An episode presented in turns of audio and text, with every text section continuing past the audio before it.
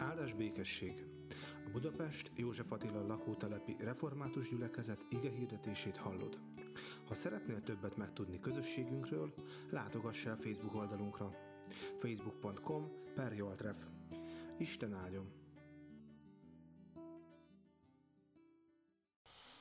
Az első adventi gyertyagyújtáskor arról beszéltünk, hogy az első gyertya hitet jelképezi, és hogy milyen fontos a hit ebben, a, ebben az adventben is. A második gyertya pedig a reménységet. A reménynek a gyertyája, ez a második, úgyhogy így választottam ehhez a, erre a vasárnapra is egy igét. Most Pálapostolnak a Róma beliekhez írt leveléből, tehát a római levél ötödik részéből az első tizenegy verset fogom olvasni.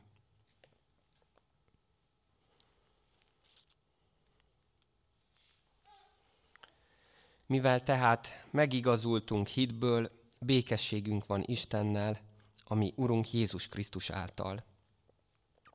Ő általa járulhatunk hitben ahhoz a kegyelemhez, amelyben vagyunk, és dicsekszünk azzal a reménységgel is, hogy részesülünk Isten dicsőségében. Sőt, dicsekszünk a megpróbáltatásokkal is, mert tudjuk, hogy a megpróbáltatás szüli az álhatatosságot, az álhatatosság a kipróbáltságot, a kipróbáltság a reménységet, a reménység pedig nem szégyenít meg, mert szívünkbe áradt az Isten szeretete a nekünk adott Szentlélek által. Mert amikor még erőtlenek voltunk, a rendelt időben halt meg Krisztus az istentelenekért. Még az igazakért is alig ha halna meg valaki, bár a jóért talán még vállalja valaki a halált. Isten azonban a maga szeretetét mutatta meg irántunk, mert Krisztus már akkor meghalt értünk, amikor még bűnösök voltunk. Ha tehát már most megigazított minket az ő vére által, még inkább meg fog menteni minket a haragtól. Mert ha akkor, amikor ellenségei voltunk, megbékéltettünk Istennel fia halála által, akkor miután megbékéltettünk, még inkább üdvözíteni fog élete által. Sőt, ezen kívül még dicsekszünk is Istennel, ami Urunk Jézus Krisztus által, aki által most részesülünk a megbékélésben. Isten tegye áldottá az ő igéjét, hogy az bennünk gyökeret verjen, növekedjen és gyümölcsöt teremjen. Ámen. Ha-hó, itt a világ vége. Múlt hét vasárnap egy ilyen cikket láttam az Indexen. Hát persze, hogy rákattintottam, az ilyen címekre általában az emberek rákattintanak. Hát én is így tettem, és ezt olvastam benne. Minimum a Hunger Games, de inkább a Mad Max kora közeleg. Már ha nem halunk meg előtte mind. Vagy a retorikai katasztrófa turizmus is csak egy újabb csapda volna? Ne kerteljünk. Világvége jóslatokkal tele a padlás. Közel a nukleáris Armageddon. Mind megfagyunk ezen a télen. Egy szupervírus kipucol mindannyiunkat, már ha nem az antibiotikum rezisztencia. A harmadik világ, világból érkezők sebesen felfalják a nyugati életformát, a bolygó hamarosan lakhatatlanná lesz a klímakatasztrófa miatt. A telefonunk pedig jó eséllyel addig kémkedik utánunk, amíg mind bionikus zombikká válunk. És akkor folytatódik még a cikk, és azt írja, hogy hát hogyha, ilyen, hogyha ezeket a dolgokat felsoroljuk, akkor azt gondolnánk, hogy hogyha ilyen jelek vannak, akkor már biztos itt a világ vége. De hogy ezek nem úgy nem nehéz elképzelni, mert ezek nem, nem hogy így lesznek, vagy így várjuk a jövőben, hanem, hanem ezek már megtörténtek, vagy megtörténnek most. Hogyha ezeket végig gondoljuk, akkor tényleg azt gondoljuk, hogy hamarosan most már itt a, itt a világ vége adventben vagyunk, és az advent azt jelenti, hogy eljövetel. És hát, hogyha a világot nézzük, akkor azt látjuk, hogy, hogy mi jön el a világ vége. Egy nagyon reménytelen helyzetben van most azt hiszem az emberiség. Sokan kiáltják azt, hogy itt nagy baj van, hogy el fog pusztulni a bolygó, az emberiség, valami új korszak jön. Jön a világ vége. De hát miért csodálkozunk ezen? Hát nem erről beszélt Jézus is az ő tanítványainak, az őt követőknek, hogy készüljenek fel, hogy mindig feszülten várakozzanak, mert hogy nem tudják, hogy, hogy mikor jön el majd a, az ítélet. Úgy azt mondja Jézus, hogy akkor, amikor majd éppen senki nem, nem számít rá, úgy jön, mint éjjel a tolvaj. De ti éppen ezért vigyázzatok, várjatok. Jézus kerekperec megmondja azt, hogy lesz ennek a világnak, ennek a világkorszaknak egy, egy vége, de azt is mondja, és ez ad nekünk igazán reménységet, hogy ez a világ vége, ez az ő személyéhez van hozzá kapcsolva. És mivel mi keresztjének úgy tekintünk Jézusra, mint életünk megmentőjére, megváltójára, megjobbítójára, beteljesítőjére, ezért a világ vége gondolata annyira nem is rémisztő számunkra. Hiszen Jézus visszajön, találkozhatunk vele. Amikor pedig Jézus visszajön, akkor bevezet bennünket egy szebb, egy jobb világba, ahol örökké élhetünk. Hát ki ne vágyna egy ilyen szebb és jobb jövőre, jobb világra? Hát féljenek a gonoszok, akik Istennel nem törődnek. Na majd ők elnyerik a méltó büntetésüket. Ez a gonosz világ pusztuljon. Az eg- a, gondolkozhatunk így is, de az igaz ember, ezt is olvassuk a Bibliában, reménységgel tekinthet a jövőre, mert tudja azt, hogy ez a világ ugyan elmúlik, most még ugyan tombol a gonoszság, tele van a föld igazságtalansággal, de az Isten az övéit, a kiválasztottakat, az igazakat megtartja. És azzal bíztat minket, hogy aki hűséges hozzá, az elnyeri az élet koronáját. Jó, jó, mondhatná valaki, de honnan tudhatom én biztosan, hogy a jóknak az oldalán eh, vagyok? Hogy egy ilyen western filmes hasonlatot hozzak, mindig látunk egy fehér kalapos embert, meg egy fekete kalapos, és akkor hát melyik a jó, ugye? Hát mindig a fehér kalapos az úgy Melyik oldalon állunk mi? Melyik ö, a sötétség vagy a világosságnak a, az oldalán vagyunk? Milyen kalap, milyen színű kalap van a fejünkön, amikor, amikor az Isten ránk néz? Hát és ez egy nagyon jó, jó kérdés. Emlékszem, amikor még, még a hit útjának az elején jártam, megtérésem előtt, de már ott voltam a gyülekezet közösségében, és talán egy kirándulás volt, ez nem emlékszem pontosan, hogy hol és milyen helyzet volt, de a kérdésre emlékszem, hogy oda jött valaki, egy idős bácsi hozzám, és akkor megkérdezte, hogy fiacskám, van neked már üdvbizonyosságod? És nem tudtam, hogy hát hol, hol, hol kell keresni azt, hogy nekem nálam nincsen. Ugye, ha, mi az, hogy van nekem, nem értettem még a szót se. Mit jelent ez? Mit jelent ez? Üdvbizonyosság. Hát most már így felnőtt fejjel tudom, tehát az a, az a kérdés, hogy biztosak vagyunk-e abban, biztos vagyok-e abban, hogy nekem örök életem van.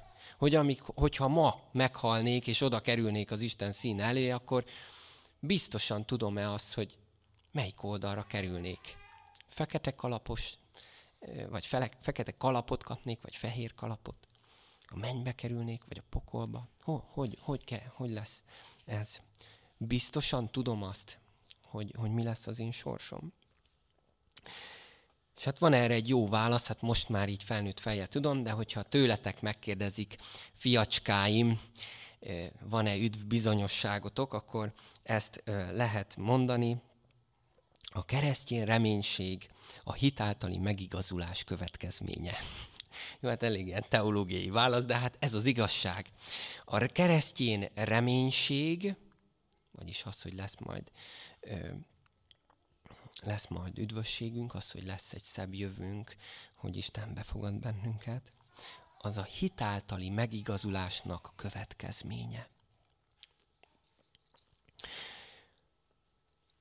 És jó ezt végig gondolni, hogy az Isten szemében mi igazak vagyunk, egyszer s mindenkorra érvényes ez ránk, mindegy, hogy mit teszünk, mert nem az számít, hogy én milyen jó voltam, vagy éppen milyen rossz, hanem az, hogy Jézus Krisztus meghalt a mi bűneinkért, és az ő igazságát nekünk adta. És elvette a mi bűneinket. A jelenlegi bűnöket, a korábban elkövetett bűnöket, meg azokat is, amiket még csak ezután fogunk elkövetni. És hát a kétkedőknek ez mindig furcsa, és talán tiltakoznak, hogy jó, jó, hát azért értem, ne halljon meg már senki. Hát én ezt nem kértem. De ezt nagyon fontos mégiscsak kimondani, végig gondolni. Hiszen addig nincsen békessége az embernek, amíg ki nem mondja azt, hogy nem, hogy nem vagyok tökéletes, de nem vagyok elég jó sem az Isten szemében. Itt Pálapostól érvel, van egy logikai, szépen felépített beszéd. Azt mondja, hogy hát a jóért talán még életét adná valaki. De hát mi nem vagyunk jók. Isten akkor áldozta értünk a fiát, amikor még az ő ellenségei voltunk, amikor nem törődtünk vele, amikor hátat fordítottunk neki, és éppen ezért a bűnben éltünk. És hát bocsánat, hogy már megint a bűnről beszélek. Klasszikus vicc, hogy a gyerek hazamegy a, az Isten tiszteletről, és kérdezi az anyukája, hogy na miről volt szó az Isten tiszteleten, és akkor mondja a gyerek, vállat, hát a bűnről. Igen, és mit mondott róla a lelkész?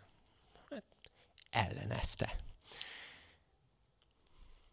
Nem akarom a bűnt csak itt simán ellenezni. Nem, nem ez a, a keresztény válaszunk, hanem inkább hadd mondjam azt, hogy, hogy bűnöket követünk el, de ez nem csak, hogy ez csak a felszín. Mert nem ez a kérdés, hanem hogy milyen a mi szívünk. És a probléma ott van, hogy a szívünk megromlott. Vég Tamás bácsinak a szavai jutnak eszembe, aki itt volt velünk szeptember, októberben valamikor. És akkor ő mondta, hogy olyan ütött kopott lett a lelkünk, a szívünk. Az Isten tökéletes szívet adott, de nekünk ilyen ütött kopott lett a szívünk, megromlott a, a, a szívünk. És, és ezt be kell látni, hogy, hogy ebből következik aztán minden olyan szó, cselekedet, gondolat, vagy mulasztás, amit, amit mi aztán azt, azt mondunk, hogy az bűn. De mit kezdünk ezzel? Mondhatnám azt, hogy hát igyekezzünk jobban. Figyeljünk már egy kicsit oda, ne, ne kövessünk már el bűnöket. De hát ez még nem a szívünket érinti, igaz? Éppen ezért inkább azt mondom, hogy tudatosítsuk a bűneinket. Kérjük Istent, hogy ő mutasson rá azokra a dolgokra, amikben nem jól viselkedünk, vagy nem jól gondolkozunk. Aztán ne csak bűn tudatunk legyen, hanem, hanem legy, legyen bűn bánatunk is. Mondjuk el Istennek, hogy mi ebben szeretnénk megváltozni, és legyen, legyen így tehát bűnvallásunk is. Mindig lesznek bűnök, hibák, bukások, konfliktusok, kudarcok és csalódások.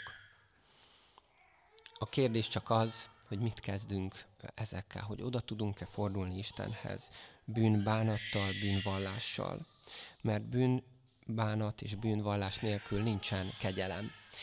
Viszont, és ez az evangélium, hogy aki megvallja az ő bűnét, hű és igaz ő, ő annak megbocsátja minden védkét. Kegyelmet kap Istentől, és megbékél Istennel. Erről beszél Pál, hogy mi megbékéltettünk Istennel, és nem mi kezdeményeztük ezt a megbékélést, hanem Isten jön oda hozzánk, és keresi azt, hogy hogyan tudna velünk békességet kötni.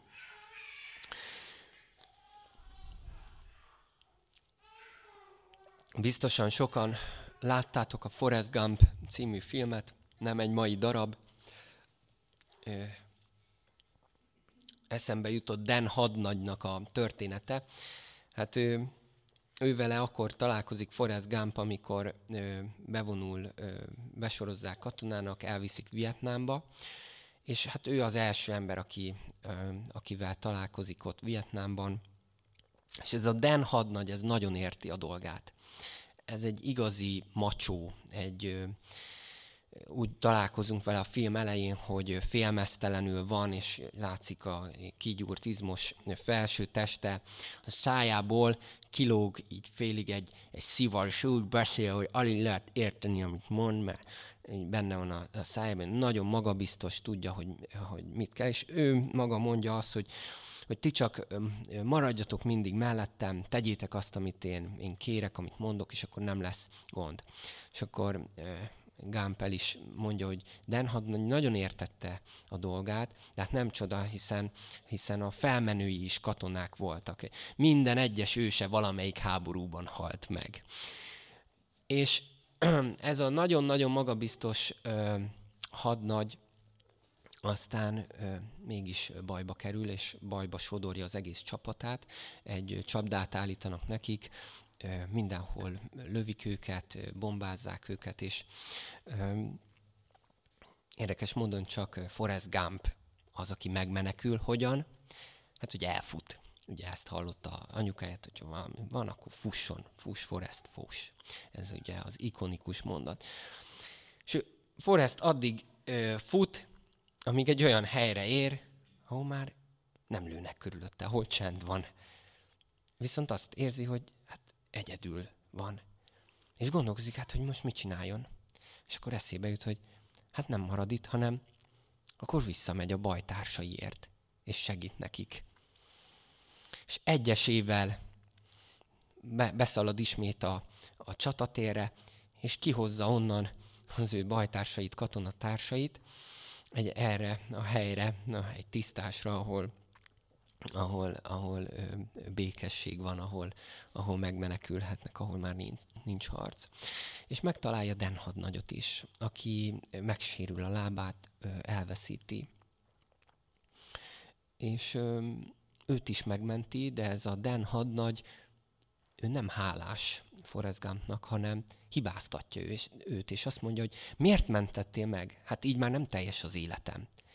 Ott kellett volna hagynod engem, hogy, hogy meghalljak, mert így már nem az vagyok, aki eddig voltam, nem az a magabiztos macsó katona, aki eddig voltam, aki mindig mindenhez értett.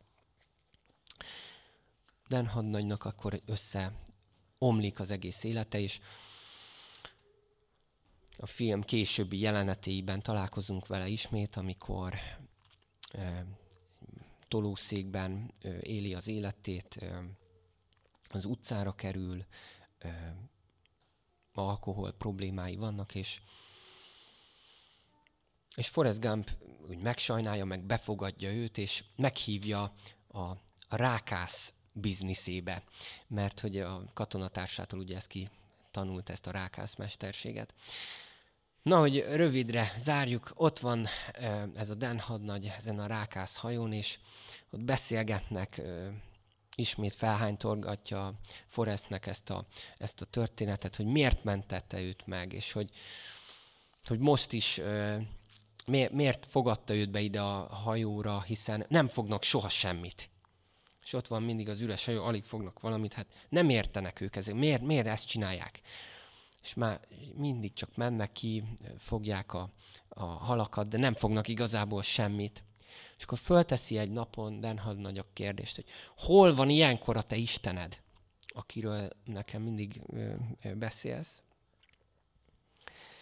És hát Isten válaszol egy nagy viharnak a formájában és mennydörög, és szakad a, az eső, hatalmas hullámok vannak, ők pedig kint vannak a, a vizen, és Denhad nagy kiköti magát a, az árbóchoz, és elkezd kiabálni Istennel, hogy na most mutasd meg, hogy, hogy milyen ö, nagy vagy, vedd el az életemet, hogyha, hogyha akarsz, gyere, harcoljunk, vitatkozzunk ö, egymással. És mm, szegény Forrest meg ott lent próbálja életben tartani ott a hajót, ahogy imbolyog, és a teendőket elvégezni. De Dan, Dan hadnagynak megvan ez a nagy, nagy csatája az Istennel. És akkor következő jelenet, érdemes majd megnézni, esetleg visszakeresni, hogy a nagy vihart egyedül egyetlen hajó éli túl. Minden hajó elpusztul, akik kikötőben voltak, azok is teljesen össze roncsokban állnak. De az ő hajójuk az épségben átvészelt ezt a vihart az Isten nagy vihart küldött, de a viharban meg is, meg is mentette őket. És hát ilyenkor, hogyha a konkurencia ugye eltűnik, akkor ők hirtelen nagyon-nagyon sok ö, rákot tudtak fogni, és ö, ők lettek az egyedüliek, akik ö, sok, sok ilyen ö, rákot meg halat ki, kifogtak. És hát meggazdagodnak ebből, jóra fordul a, az életük. És akkor egy nagyon szép kép, amikor Den hadnagy egyik csendes, mikor csendes vizek vannak, akkor odafordul a naplementében a Forrest Gumphoz, és csak ennyit mond, hogy Forrest, azt hiszem még nem köszöntem meg neked azt, ami, hogy te megmentettél engem. És fogja magát, lábak nélkül beugrik a, ott a tengerbe, és ott úszkál felfekszik a, felfekszik a vízre ott a naplementében. És akkor Forrest Gumpnak, ahogy ugye halljuk a gondolatait, csak annyit mond, hogy azt hiszem, Denhad nagy aznap megkötötte a békéjét Istennel. Vajon te már megkötötted-e a békédet Istennel? Lehet, hogy ahhoz, hogy, hogy vele békességünk legyen, ahhoz szükségünk van néhány nagy viharra nekünk is.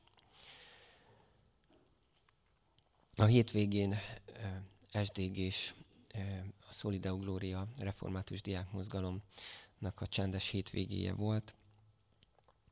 És nagyon szeretem ebben a csapatban azt, hogy, hogy mindig törekszünk arra, hogy a fiatalokat, akik egyébként egyházi iskolába járnak, és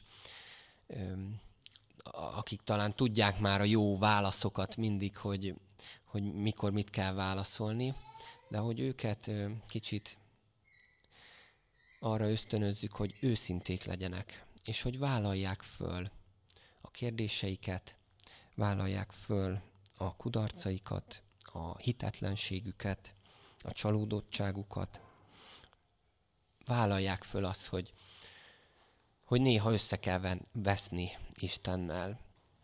És ezt is, itt is mondom, meg kérdezem, hogy, hogy veszekedtünk-e már az Istennel? Volt-e olyan, hogy, hogy perlekedtünk vele, hogy, hogy azt mondtuk neki, hogy, hogy ez miért kellett, miért most kellett, miért így történtek a dolgok, ahogy történt. Hát, hogyha te ilyen jó Isten, hogy miért történnek velem rossz dolgok? És olyan jó azt látjuk Zsoltárok könyvében is, hogy mi mindig lehetünk őszinték az Istennel, hogy szabad vele veszekedni. De amikor veszekszünk is vele, akkor rá fogunk jönni, rá kell jönnünk, hogy bizony, bizony, mindig neki van igaza. Akkor veszekszünk jól az Istennel, hogyha végig ki tudjuk azt mondani, hogy neked van igazad, neked volt igazad. Lehet, hogy csak később fogjuk ezt, ezt kimondani. Mert az Istennek mindig igaza van. És Isten mindig jót akar nekünk, és az ő tervei azok jók még akkor is, hogyha mi azt máshogy látjuk. Ő azt tervezi, hogy megharcol veled, és békét köt veled nem hagy faképnél bennünket, mint ahogy mi esetleg, hogyha szócsatát vívunk valakivel, hogyha így harcolunk, akkor, akkor lehet, hogy néha feladjuk, hátat fordítunk a másiknak, és, és ott hagyjuk. És lehet, hogy így vagyunk az Istennel is, csak hogy ő utánunk jön.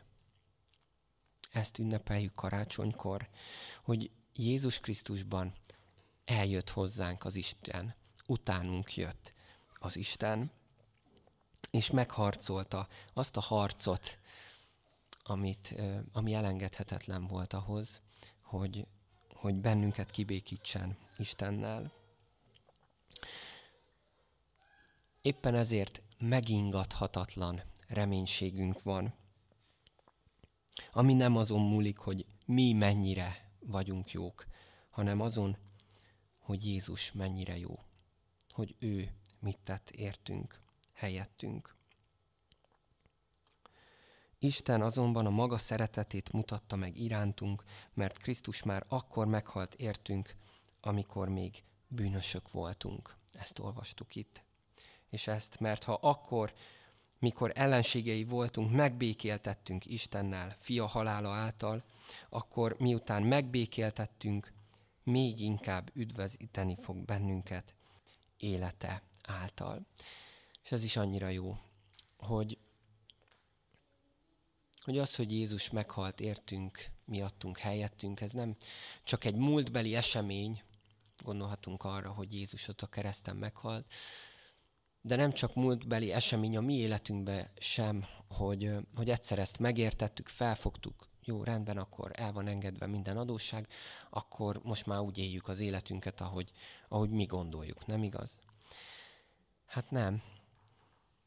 Mert azt mondja itt Pálapostól, hogyha Jézus meghalt értünk még akkor, amikor bűnösök voltunk, akkor amikor feltámadt a halából, még inkább velünk lesz, és éltet bennünket az új életben. Velünk lesz az ő szent lelkével. És olyan érdekes ez is, hogy, hogy a karácsonyi ünnepkörben vagyunk, de mégis itt valahogy a, a szent lélekről van szó, a pünkösdről, hogy Jézus azt mondja, hogy ő eljött egyszer ebbe a világban, testi formában. Meghalt, feltámadt, fölment a mennybe. De akkor ez nem csak egy ilyen múltbeli esemény, hanem azt mondja, hogy ő most is, ma is el tud jönni, meg tud érkezni a szívünkbe az, az, ő, az ő lelke által, a Szentlélek által. Hát így válhatunk mi is Istennek a lelkének hordozóivá, az Isten fiaivá, akik úgy járják ezt a világot, hogy, hogy kibékültek az Istennel. És reménységük van, hogy noha ez a világ halad a maga útján, sokszor azt látjuk a pusztulásba, nekünk mégis tudjuk, hogy reménységünk van, örök, elvehetetlen, megingathatatlan reménységünk. Ámen. Imádkozzunk.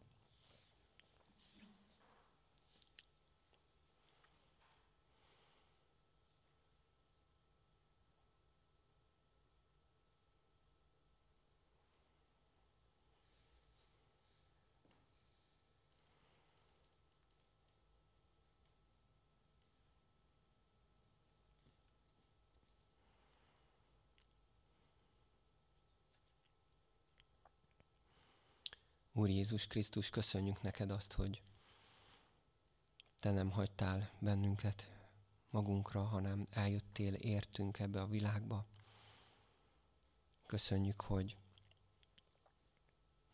így bízhatunk, reménykedhetünk abban, hogy amikor egyszer meg kell állnunk az Atya Isten szín előtt, akkor mondhatjuk azt, hogy nem magunkért, hanem miattad kegyelmez nekünk. Úr Jézus Krisztus, köszönjük az, hogy Te megharcoltad azt a harcot, amit nekünk kellett volna, hogy Te harcoltál, értünk ott a, ott a kereszten, hogy Te magadra vállaltad a mi bűneinket. És Urunk, imádkozunk azért, hogy, hogy ez a mi életünkben is hadd lehessen valóságá. Te mutass rá azokra a hibákra, a bűnökre, szívbeli hozzáállásokra, ami ami nem szerinted való. Kérünk, Urunk, hogy Te vezessel bennünket a bűnbánatra, a bűnvallásra, hogy le tudjunk előtted borulni, hogy ki tudjuk mondani azt Pálapostól együtt, hogy, hogy semmi vagyok. De köszönjük, Úr Jézus, azt is, hogy, hogy veled együtt, hogy általad mégis lehetünk valakikké, hogy te felruházol bennünket a te lelkeddel, új életpályára állítasz bennünket, és naponként megújítasz bennünket. És így kérünk téged, hogy, hogy újíts meg bennünket, légy velünk a következő héten is, ezen a mai estén is még. Kérünk, hogy, hogy áldj meg bennünket önmagaddal, hogy mindig benned reménykedhessünk. És amikor ez a gonosz világ nagy hatással van ránk, akkor emlékeztes bennünket arra, hogy, hogy kihez tartozunk, hogy mi, hogy mi benned élhetünk. És Urunk, imádkozunk a körülöttünk élő emberekért, ezért a világért, a politikusokért, a, az országok vezetőiért, a népekért kérünk, Urunk, kifejezetten a mi nemzetünkért, Magyarországért és a magyarokért, hogy, hogy Te adj ébredést, Te add, hogy az emberek rádöbbenjenek arra, hogy van felelősségük, hogy nem mindig mást hibáztassanak, hanem hogy térdet tudjanak hajtani, hogy tudják kimondani azt, hogy nem, hogy nem tökéletesek, de hogy, hogy nem elég jók. Kérünk, Urunk, arra is, hogy, hogy, hogy újítsd meg a Te egyházadat, szépítsd meg, hogy vonzó legyen azoknak a számára, akik, akik még nem találtak Te hozzád. De kérünk azért is, hogy, hogy hadd lehessen ez a mi kis gyülekezetünk is világító lámpássá, ami mutatja az utat Te feléd. Úr Jézus, köszönjük az életünket, az egészségünket, és imádkozunk azokért, akik, akik betegek. Kérünk, hogy Te adj nekik erőt, gyógyulást. És Te áld meg azokat is, akik, akik találkoztak az elmúlt héten, hetekben a halálnak a valóságával. Kérünk, hogy Te enyhítsd az ő fájdalmukat, Te adj számukra reménységet, vigasztalást.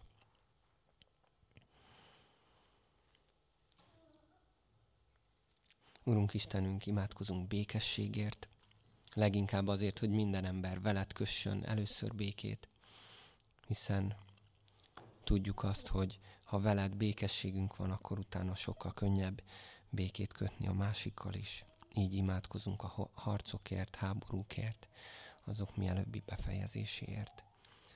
Ámen. És mondjuk most közösen az Úr Jézustól tanult imádságot. Mi, atyánk, aki a mennyekben vagy, szenteltessék meg a te neved.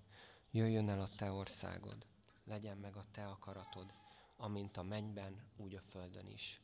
Minden napi kenyerünket add meg nékünk ma, és bocsásd meg védkeinket, miképpen mi is megbocsájtunk az ellenünk védkezőknek. És ne vigy minket kísértésbe, de szabadíts meg a gonosztól, mert Téd az ország, a hatalom és a dicsőség mindörökké. Ámen.